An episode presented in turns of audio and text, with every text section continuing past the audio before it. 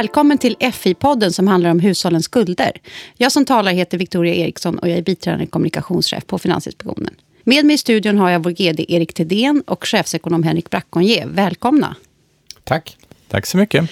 Det har varit en hel del debatt om hushållens skulder och bostadsmarknaden, inte minst i media de senaste månaderna. Våra åtgärder för att dämpa hushållens skulder och öka motståndskraften i ekonomin har ifrågasatts. Henrik, om vi börjar med hushållens skulder. Hur har hushållens skulder utvecklats de senaste åren? Jag tror man ska ta ett lite längre perspektiv och går vi tillbaka till 1995, sen, sen dess så har så skulderna ökat ungefär dubbelt så snabbt som BNP under hela den här perioden. Eh, går vi sen fram då till 2016 när vi, när vi så att säga införde det första amorteringskravet så växte skulderna med ungefär 8% och nu är de nere på 6 Så att de växer fortfarande snabbare än BNP men vi har sett en inbromsning. Vi har också sett att när det gäller nya bolånetagare så, så ökar deras skuldsättning långsammare. Antagligen till följd av våra åtgärder. Eh, och Erik, varför är den här utvecklingen intressant för Finansinspektionen? Det är ju så att om man tittar på de eh, mycket allvarliga finanskriser som eh, globalt som vi har gått igenom men också som, har hänt i Sverige så är de alltid kopplade till skulder. Det kan vara skulder till hushåll, det kan vara skulder till företag eh, eller kan vara en kombination av de här. Så att den ganska kraftfulla skulduppbyggnad som Henrik beskriver här som vi har skett under de senaste åren den fungerar när det är vackert väder, den fungerar när räntorna är låga, när, alla, när sysselsättningen är hög, arbetslösheten är låg Eh, huspriserna är stabila eller stiger, då är det där ingenting som vi kanske går och tänker på. Men om någonting förändras, eh, då är mesta av det där eh, förändligt, förutom skulderna. För skulderna är ju vad de är, så att säga, om vi inte amorterar kraftigt. Så att eh, huspriser kan gå ner kraftigt, eh, man kan förlora jobbet, räntorna kan gå upp. Allt det här kan förändra den där vackert vädersituationen. Eh, och om många av de där dåliga sakerna sker samtidigt så kan det bli ganska dramatisk effekt i ekonomin. Så därför är skuldsättning är någonting som eh, tillsynsmyndigheter och centralbanker alltid fokuserar på när man ska försöka stävja eller försöka bygga motståndskraft. Och om man ska säga någonting om vad det är för typ av skulder som hushållen har, Henrik, eh, är det mest bolån eller? Ja, det är väldigt mycket bolån, för det är klart att bolån är ju är ju den, den största ekonomiska affär som de, vi gör som hushåll. Om man tänker sig att svenska hushållen har skulder på ungefär 4 000 miljarder kronor. Det är alltså ungefär lika mycket som BNP uppgår till. Och mer än 80 procent av dem är bolån kan man säga och resten är då antingen lån som vi kallar mot annan typ av säkerhet, till exempel ett billån eller ett lån för att köpa båt. Och sen har vi då en ganska liten del, ungefär 5 procent, som är olika typer av blankolån. Det är intressant tycker jag också om man tittar på de här lånen som är då väldigt höga som Henrik säger så löper ju en, en mycket stor del av dem till, till rörlig ränta. Och, och, och, så där har det varit till och från historien att det har varit mycket rörlig ränta, men nu är det väldigt mycket rörlig ränta. Uh, och det har blivit någon slags allmän sanning att det alltid är bättre med rörlig ränta för att det har varit bättre med rörlig ränta de senaste tio åren. När räntorna har gått ner så är det bra rörlig ränta för då får man så att säga lägre och lägre ränta att betala. Men det där innebär ju också en ganska betydande risk för får vi ett skifte i räntekostnaden, låt oss anta att ett hushåll har 3 000 kronor i i räntekostnad varje månad. Om man då får en tredubbling av räntan, vilket alltså inte alls är någon extrem ränta, det skulle innebära att bolån gick upp från 1,2 till dryga, eller eh, uppåt 4 procent, ja då skulle den här personen som hade 3 000 helt plötsligt få 9 000 kronor i räntekostnad. Så att räntekänsligheten är också någonting som vi är mycket bekymrade över. Mm. Men, men eh, kan inte hushållen själva avgöra om deras skulder behöver minska eller inte? Eh, hur ser vi på det, Henrik? Ja, det kan man ju tycka, men samtidigt så, så har vi ju levt i den här perioden av, jag menar den här, jag pratade om att skulden har byggts upp under en väldigt lång period och det speglar att vi har haft en väldigt stark ekonomisk utveckling sedan mitten på 90-talet och vi har haft huspriser som har stigit väldigt mycket och räntorna har blivit allt lägre och lägre som Erik var inne på. Många av oss har skapat en bild av att det är så här det kommer att se ut i framtiden också. Eh, och det är inte så konstigt om det är så man har levt, men, men det är inte alls säkert att det blir så, eller det är snarare väldigt säkert att det inte kommer att fortsätta vara så. Och då är det svårt för enskilda hushåll att, att, att förstå de risker man tar och därför kan man behöva lite, lite hjälp på vägen. Sen, sen är det också så att eh, för samhället som helhet så uppstår det ytterligare risker i meningen att även om jag liksom kan klara att betala mitt bolån, även om, om vi hamnar i det här scenariot som Erik pratar om, med, med högre räntor kanske, så måste jag dra ner ganska mycket på min konsumtion för att klara det. Och då helt plötsligt så är det andra som blir arbetslösa i ekonomin och då får vi ett större samhällsproblem till följd av att jag har skuldsatt mig mycket. Jag tycker det här sista som du påpekar är ju väldigt bra. Vi får ofta höra både från banker faktiskt, som vi ju reglerar eh, ganska ordentligt, hur mycket kapital de ska ha och sådär. Och hushåll då, som vi också kan man säga är lite reglerade i och med att vi säger att de ska amortera. Så får man frågan, ja men kan inte vi klara det själv? Varför ska vi ha den här Eh, förmynderiet från en myndighet. Och det är precis det som Henrik pratar om. Att själv kan man nog bedöma om man klarar sig. Men man kan inte bedöma hur ens egen ekonomi kommer på och hur ens egen skuldsättning kommer påverka resten av ekonomin. Och det är det som är liksom den stora lärdomen från kriserna, inte minst 2008, både på banksidan, men jag vill mena också på hushållssidan, att all, alla är beroende av varandra och det är därför den här motståndskraften som vi bygger upp är någonting som är svårt att tro att hushållen ska tänka ut själva och likaså bankerna. Eh, om man då tittar på läget på bostadsmarknaden och eh, eh hur, hur det har förändrats. Hur mycket har priserna stigit på bostäder sen, sen, ja, sen, efter krisen, sen 2010, Henrik? Som sagt, går vi tillbaka till 2010, det var ju då vi införde eh, bolånetaket. Då har priserna stigit med mer än 50 procent, 56 procent mer, mer precis. Så det är, ju, det är ju ganska mycket får man säga. Och det är inte konstigt att man måste låna mycket för att kunna köpa en bostad i en sån marknad. Men eh, det är väl bra att priserna stiger, eller är det inte det? Jag tror man måste ha två perspektiv på det här. För det första, om, om vi tänker eh, om jag tänker på min egen lägenhet, säg att priset på den stiger 10 procent. Det är precis samma lägenhet, men priset är 10 procent högre den ger ju mig precis samma liksom, boendeupplevelse som den gjorde när priset var lägre. Så på så sätt så, så innebär inte högre priser att, att jag på något sätt får det bättre. Jag bor i samma lägenhet som jag bodde innan. Det är bara ett fiktivt värde. Sen skapar det här, kan det skapa ett förmögenhetsvärde, att priset går upp. Om jag kan lyckas sälja den här och jag flyttar till en hyresrätt och köper en mindre eh, lägenhet, då kan jag ju realisera en del av den här vinsten. Så då kan det vara positivt för min förmögenhet. Men då ska man komma ihåg att det finns ju någon annan som drabbas av det här negativt. De som inte har en fot på bostadsmarknaden får ju allt svårare att komma in. När man köpte ett pris eller köpte en bostad för tio år sedan då, så var den 56 procent billigare, eller priset var 56 procent lägre än vad det är nu. Och eh, om man då tittar på omsättningen på bostadsmarknaden, hur, hur har den förändrats då? Ja, alltså det, det, där är väldigt debatterat och vi vet att vi fick en viss omsättningsdämpning i samband med att vi införde det, det senaste amorteringskravet. Det kan man se i statistiken. Men lite förvånande om man jämför med lite grann den mediediskussion som finns om omsättningen så omsättningen 2018 eh, är ungefär som 2017 och är högre än vad den var i genomsnitt de senaste fyra åren. Så att vi har inte, på riket har vi inte sett någon stor förändring av, av omsättningen och jämför man med ett antal år tillbaka i tiden så är omsättningen högre nu. Eh, däremot som sagt såg vi ett litet skifte i mars och sen kan det här vara väldigt olika i olika segment. Så att eh, dyra bostadsrätter i vissa delar av Stockholm och Göteborg kan ha haft svårare med omsättningen medan eh, marknader där det har varit mer stabil utveckling har ungefär samma omsättning. Så att det kan skilja lite grann, men det är inte så som ibland man tror när man eh, så att hör den allmänna diskussionen att vi skulle ha fått ett kraftigt dropp i omsättningen, det vill säga eh, att man inte kan sälja lägenheter. Det, det stämmer inte om vi tittar på på statistiken helt enkelt. Mm. Och mot den här bakgrunden, man säger utvecklingen då av hushållens skulder och bostadsmarknaden eh, från, från 2010, sen efter finanskrisen och framåt, så har ju Finansinspektionen valt att införa åtgärder för att öka motståndskraften i ekonomin och dämpa skuldsättningen. Eh, och om man tittar tillbaka då så införde vi ett bolånetak 2010. Varför just ett eh, bolånetak, Henrik? Vi började med ett bolånetak för det, det är ju naturligt att man inte lånar hur mycket som helst i förhållande till värde på bostaden. Det är ju egentligen det som bolånetaket säger, att du bara får låna, ta ett bolån upp till 85 procent av bostadens värde. Och man kan ju exemplifiera det med vad vi såg förra året när bostadspriserna föll. Om man, man hade kunnat låna upp till 100 procent av bo, bostadens värde så helt plötsligt så hade man haft större skulder då när priserna hade fallit än, än, än vad bostaden var värd. Och det är en ganska tråkig situation att hamna i, speciellt om man är kanske ung och inte har andra finansiella tillgångar. Så det var lite för att säkra upp eh, att man inte tar allt för stora risker och köper allt för dyra bostäder. Mm. Och därefter har vi infört eh, amorteringskrav i två olika steg. Eh, hur landade vi i just de här eh, åtgärderna, Erik?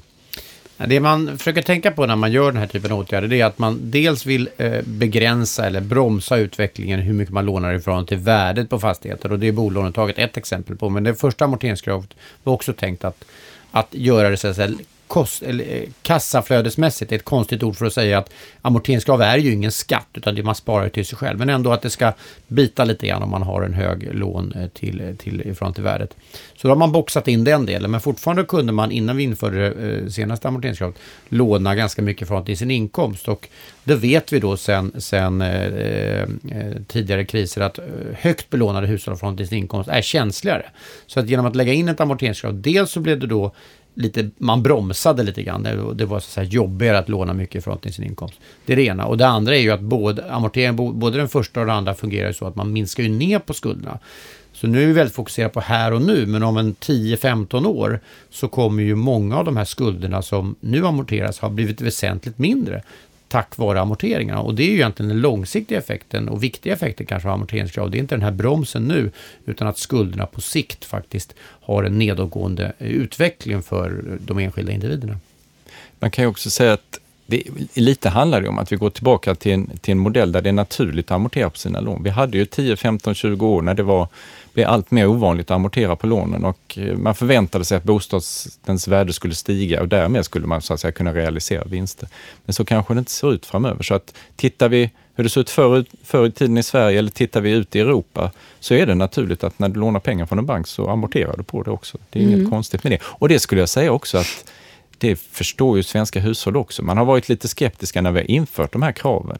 Men i efterhand så har man insett att det här, det här är ganska naturligt och sunt. Jag tycker det är en sak som man kan nämna här, det är att vi inför det här på nya låntagare. Och det innebär att om man är gammal låntagare så får man då inte detta, men om jag är ny på marknaden, tar mitt första och så. Och där kan det te sig lite orättvist och jag kan lite grann hålla med om det. Eh, men där har ju vi eh, ganska tydligt att man kan inte införa så att säga, regler på sådant som redan har, har ingått avtal. Det kan man göra om man håller på med lagstiftning till exempel. Så skulle man ändra ränteavdragen så slår ju det på alla. Men, men det kan inte vi göra med våra regleringar. Så att, eh, det, det gör ju att det är få som drabbas men det kan te sig lite orättvist. Eh, men om man tänker sig 20 år framåt i tiden då har alltså alla gamla blivit nya. Så då kommer alla amortera. Så där, även det är i viss mån en övergångsfas. Men, men det kan vara bra att ha i bakhuvudet. Å andra sidan tror jag att om vi infört amorteringskrav på alla med en gång, då hade det ju förstås bitit hårdare och också antagligen möts av ganska mycket kritik. Ja, men just som du är inne på, då, kritik, att det har ju kommit eh, en hel del kritik eh, mot amorteringskravet och eh, där, som går ut på att både unga personer och låginkomsttagare drabbas eh, av det här kravet och får det svårare att, att skaffa bostad helt enkelt. Eh, vad, varför säger man så, Henrik? Ligger det någonting i det här, den här kritiken? Ja, varför man säger så, det är lite svårt att säga. Men vi tycker att den där kritiken träffar ganska fel. Eller, eh, det är viktigt för unga, till exempel, att ha tillgång till en bra hyresmarknad. Den, vi vet att hyresmarknaden fungerar ganska dåligt i Sverige. Det är, det, det är viktigt, det är någonting, men det är inte någonting vi kan göra något åt på FI. Sen är det största problemet för unga generellt sett för att komma in på bostadsmarknaden, det är ju att priserna är höga. Och som jag sa tidigare, de har ökat väldigt mycket. Högre priser har gynnat oss som har ägt bostäder, men det har missgynnat dem eh, som inte har ägt bostäder men ska köpa dem. Så att det är de viktigaste inträdeshindren för de unga på bostadsmarknaden. Och det, det gäller förstås även låginkomsttagare. Har man en låg inkomst har man svårt att få lån.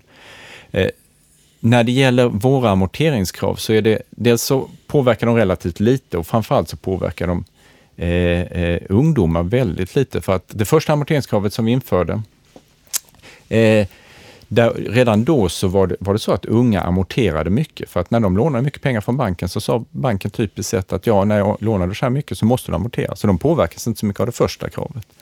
Och lite samma sak är det med andra kravet också, att det, det påverkar framförallt de som har relativt höga inkomster och det tenderar inte att vara ungdomar. Så att unga om någonting kan faktiskt gynnas av det faktum att vi får en lite lugnare prisutveckling, att de inte överskuldsätter sig eh, genom att ta allt för stora lån. Just det där senaste du sa tycker jag är väldigt viktigt att, att ha med oss. Att, att det, det, absolut sämsta för de som ska in på bostadsmarknaden, det är 10 eh, bostadsprisökning varje år de närmsta 10-20 åren. Det är det absolut sämsta som kan ske. Eh, därför är ju, eh, om man ser då den här diskussionen om fallande priser som har varit ganska intensiv, så är ju den entydigt positivt för unga hushåll som ska in på marknaden. Men det är ganska få sådana diskussioner vi, vi möts av när vi diskuterar det här, utan det, den präglas väldigt mycket av de som har lägenheter och de som i någon mening eh, liksom verkar inom den här sektorn. Men unga och andra personer som vill in på marknaden, den här prissättningen som vi har satt, den är entydigt positiv till dem och det tycker jag är viktigt att, komma ihåg. Nu är inte det någonting som vi har strävat efter, men jag tycker man kan konstatera att den, den lilla sättningen och numera stabila priser, det har varit väldigt bra. Men en annan kritik som, som har riktats mot det här, eh, våra åtgärder, amorteringskrav, kraven i första hand, det är ju också att den ger, har gett, eh, de har gett inlåsningseffekter och minskad rörlighet på bostadsmarknaden. Eh, är det här en bild som vi delar, Erik? Eller? Nej, men det? det? finns en sån effekt. För att om du är, eh, är, är, är, har ett hus idag eller lägenhet idag och inte amorterar och då eh, säljer den och köper ett nytt, då blir du ny låntagare. Och då, därmed så kommer då påverkas amorteringskravet. Och det där har en viss effekt. Jag, jag, tycker att om den där effekten vore stor, alltså väldigt betydande, då skulle vi ha sett ett, ett rejält tapp i omsättningen på fastigheter. Och det gör vi inte. Så att jag tror att det är lite grann av en snackis, men som inte kanske påverkar så mycket. Då tror jag att till exempel reavinstskatt har större betydelse. Man ska inte överdriva den effekten heller, för att någon som jobbar i den här branschen sa någon till mig, vilket jag tycker är ganska bra, att folk flyttar på grund av livshändelser ganska ofta. Flera barn, dödsfall, skilsmässor. Ibland roliga saker, ibland mer obehagliga saker. Men det är det som driver på liksom flytt, flyttandet så att säga. Så att mm, ibland så tror jag man överdriver att en enskild skatt eller en enskild amorteringskrav skulle vara helt styrande. Utan det är andra drivkrafter och eh, det verkar ju så. Omsättningen är som sagt i stort sett lika hög 18 som 17. Mm. Men, nej, jag, förlåt, förlåt Henrik. Mm. Eh, nej, men jag tänkte också, att, visst är det så att det finns inlåsningseffekter både från skattesystemet och i viss mån kanske av amorteringskraven också. Men samtidigt, och det tycker jag man glömmer lite i den svenska debatten, så har vi en rörlighet på vår bostadsmarknad som är högre än, jag tror, alla europeiska OECD-länder. Så att ja, vi gör saker fel, men vi kan inte göra saker totalt fel, för då hade vi inte haft så pass hög rörlighet som vi ändå har. Eh, och om man jämför Sverige med andra länder, har vi eh, i Sverige då genomfört fler åtgärder eller färre jämfört med eh, andra relevanta länder för att öka motståndskraften i ekonomin. Hur ser det ut, Erik, om man jämför? Ja, men nu har vi genomfört, skulle jag säga, lite mer än vad de flesta har gjort. Och det beror ju också på att vi sticker ut. Vi var ett av de få länder som inte drabbades speciellt hårt av finanskrisen. Eh, så att när jag åker på internationella möten, då är det ju så att Eh, folk undrar varför inte vi gör mer, trots att vi gör mest. Och det beror ju på den exempellösa uppgång vi har haft på fastighetsmarknaden och den mycket snabba skuldsättningsökningen som vi ser, men som också förstås uppmärksammas av IMF och EU-systemet och alla andra som, som granskar oss. Men det finns länder som gör liknande saker som vi gör. England har både skuldkvots, eh, eh bolånetak och, och eh, de har inte amorteringskrav, de har begränsningar hur mycket man kan låna ifrån till sin inkomst. Det har även Irland, det har flera baltiska länder, Norge, Danmark. Så vi är inte något, något unikum här, utan vi gör i stort sett det andra länder gör som har liknande problem. De gör det inte i Italien, men Italien har inte heller några sådana problem. Så att det här beror ju på vilket, vilket land man är helt enkelt. Mm. Och jag, jag, tror man ska säga precis som Erik sa, att vi återhämtade oss ju snabbt från den finansiella krisen och därför så kommer de här frågorna snabbare på vårt bord. Men vi ser ju i många av våra, liksom, europeiska, bland många av våra europeiska partners att det här, de kommer att fråga oss helt enkelt, hur har ni hanterat de här problemen? Ni började ju hantera det här för fem år sedan. Nu är vi i den, den cykeln så att säga, när vi måste börja göra någonting åt det här. Men, men hur kan vi då veta att eh, våra åtgärder minskar de makroekonomiska riskerna? Eh, vad, vad bygger vi det på, Erik? men vi gör ju eh, ett antal eh, olika, liksom, vi har ett antal olika analyser och nyckeltal här. Och det, viktigt är ju det vi får fram i vår bolåneundersökning. Där, vi, där, där granskar vi inte bara ah, övergripande vad som händer med lånestocken, utan vilka hushåll är det som lånar, hur mycket lånar de i förhållande till sin, sin inkomst och så. Och där såg vi en utveckling att allt fler lånade allt mer i förhållande till sin inkomst. Den, har, den trenden har vi lyckats bryta, så det är inte riktigt så. Utan nu, nu verkar det som att det är många som lånar mycket, men de lånar inte mer än vad vi gjorde förra året. Så, att säga. så där finns ett visst trendbrott. Eh, och vi ser ju också då på den övergripande skuldutvecklingen, som Henrik inledde med att säga, att den har gått från i storleksordningen 8% eh, ökningstakt till ungefär 6% ökningstakt. Så vi får en viss dämpning. Men vi ska också eh, ha klart för oss vilken miljö vi verkar i här. Vi verkar i en miljö som är ett drivhus för skulder, alltså hög, brinnande högkonjunktur och minusräntor. Det har vi aldrig någonsin i modern tid upplevt och då får man mycket skuldsättning. Så att vi gör vad vi kan eh, men vi verkar i ganska ordentlig motvind skulle jag vilja säga. Så att, eh, men, men, men vi ser effekter. Så det kan hända en, en störning i vilket fall? Vi kan inte vara helt säkra på vi att vi klarar oss? Vi kan absolut inte vara helt säkra. Jag skulle säga att, eh, och det säger vi också, att det här, det är, vi bygger motståndskraft, men det här är en betydande risk för svensk makroekonomi. Det enda vi kan vara säkra på att det kommer att komma en störning. Vi vet mm. bara inte exakt när. Nej. Och därför måste vi bygga motståndskraft för att vara rustade för den gång det händer. Och, och vad kan hända vid en sån här störning? Här? Kan man ge något eh, exempel? Ja, det beror ju på hur, hur allvarligt det är. Alltså, vi prat, det vi försöker förebygga nu, det är ju inte liksom att eh, nästa konjunkturnedgång, det får ju andra myndigheter ha huvudansvaret för. Det som är all, viktigt för oss, det vi kan bidra med, är ju att vi har ett riktigt stabilt finansiellt system. Så även när det går riktigt illa i svensk ekonomi, så kan det finansiella systemet fullgöra sina funktioner. För gör det inte det, då vet vi att en framtida kris blir mycket värre. Eh, då kommer BNP att falla mycket mer, då kommer arbetslösheten att bli mycket större och vi kommer att få väldigt stora budgetunderskott med alla de problem det innebär. Så att vårt ansvar är att se till att vi har ett säkert finansiellt system och då måste vi också se till att de som lånar pengar från det finansiella systemet är motståndskraftiga. Mm. Jag tycker man kan väl lägga till här också att vi försöker göra det som finns i vår verktygslåda, så att säga, de åtgärder som vi kan göra där. Men det, det finns ju massa andra åtgärder som också skulle kunna göras och det är inte minst då på det finanspolitiska området. Eh, där finns en rad åtgärder som, har, som är i den allmänna debatten nu. Ränteavdrag, reavinstskatt, eh, reform, reformering av bostadsmarknaden. Och många av de som är kritiska till det vi gör brukar säga ungefär så här att vi är kritiska mot det som FI gör, vi gillar inte amorteringskrav. Vi borde istället göra detta. Och jag har inga problem att följa den, den, eh, den argumentationen. Problemet är där istället kommer aldrig. Utan eh, det politiska systemet har än så länge inte valt att göra några av de här åtgärderna som diskuteras. Och då kvarstår så att säga bollen hos oss, att vi måste agera där vi står. Skulle vi få en stor förändring av bostadsmarknadens funktionssätt och skattesystemet som minskar riskerna den vägen, ja då bör ju vi förstås analysera våra åtgärder i det, i det ljuset. Men, men där är vi inte ännu. Mm. Men, men säg nu att eh, vi då skulle få eh, en störning trots, trots våra åtgärder för att öka motståndskraft, så att säga. Kan man säga någonting om vilka som drabbas eh, i ett sånt läge? Kan man säga något generellt? Liksom, vilka är det som ligger närmast till hands och drabbas om det blir en kris?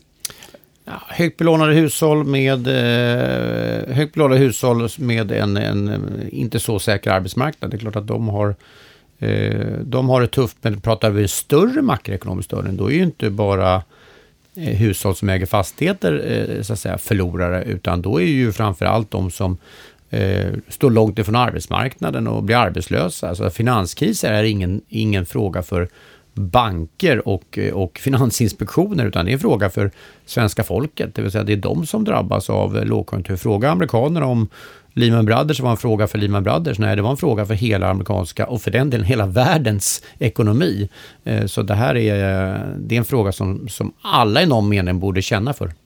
Om man tar exempel i internationella valutafonden IMF har uppskattat att en genomsnittlig finanskris kostar ungefär 66 procent av ett års BNP. Det är som om vi skulle stänga av all produktion i Sverige under åtta månader.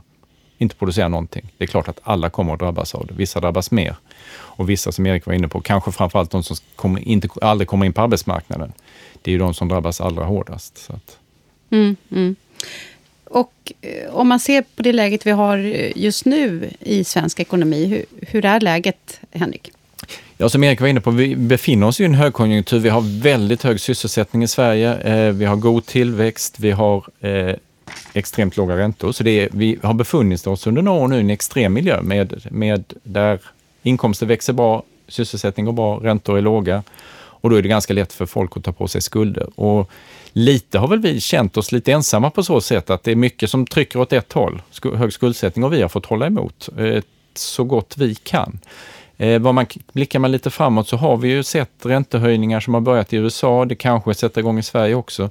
Och får vi samtidigt en viss inbromsning, en lugn inbromsning i ekonomin, så kan vi få ett läge där, där miljön blir lite mer normal, eh, där förutsättningar för oss att, att där vi inte tvingas att säga vidta så mycket åtgärder för att vi får lite mer stöd från andra områden. Och det vore ju bra på så sätt. Så att en lite högre räntor, en normal inbromsning i ekonomin, det skulle egentligen var ganska bra tycker vi och var bra för den finansiella stabiliteten också. Ja, det här är ju intressant det som Henrik säger att vi, det tonar ju upp sig nu en diskussion om att nästa räntehöjning här kommer vara jättestökigt och katastrof för hushållen som har lånat mycket. Ja, det kommer ju att märkas om räntehöjningarna fortsätter i alla fall. Men eh, som Henrik säger, jag menar på att det är bland det bästa som kan ske, att vi får en viss normalisering av räntorna. För då, då tror jag att den här landningen kan bli en mjuklandning. Eh, om vi fortsätter med extrem, den här extrema mixen av räntor och hög till, låga räntor och hög tillväxt, ja då kan det bli mer av en hårdlandning. Så att en normalisering av räntorna idag, det, det välkomnar jag verkligen.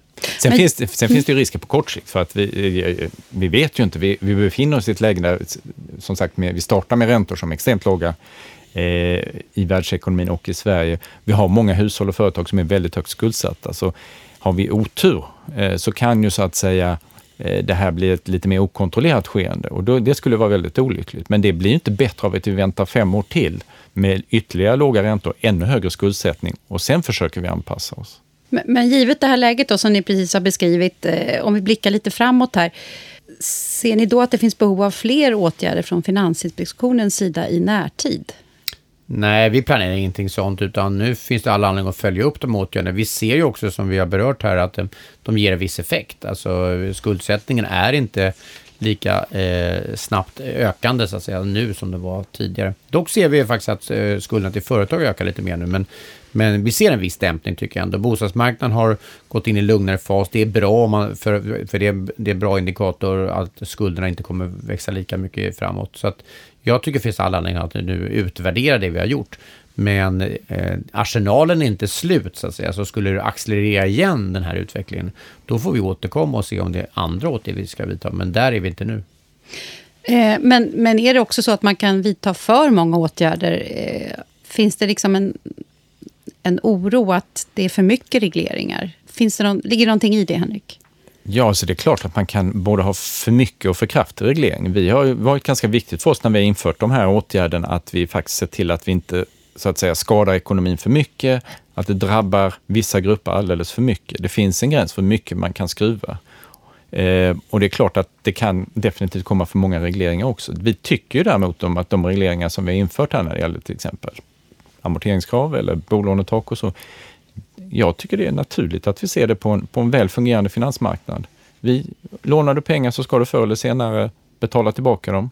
Och det har vi hjälpt till att, att, att, att förbättra den kulturen. Du ska inte heller ta väldigt höga lån i förhållande till värde på din bostad, för då blir du väldigt eh, sårbar om priserna faller. Och det har vi sett exempel på vad som händer eh, senaste året. Och det där är ju det som jag tror inte alla förstår, men som vi har ägnat väldigt mycket tid åt internt på FI, inte minst jag och Henrik, är att försöka hitta den där avvägningen.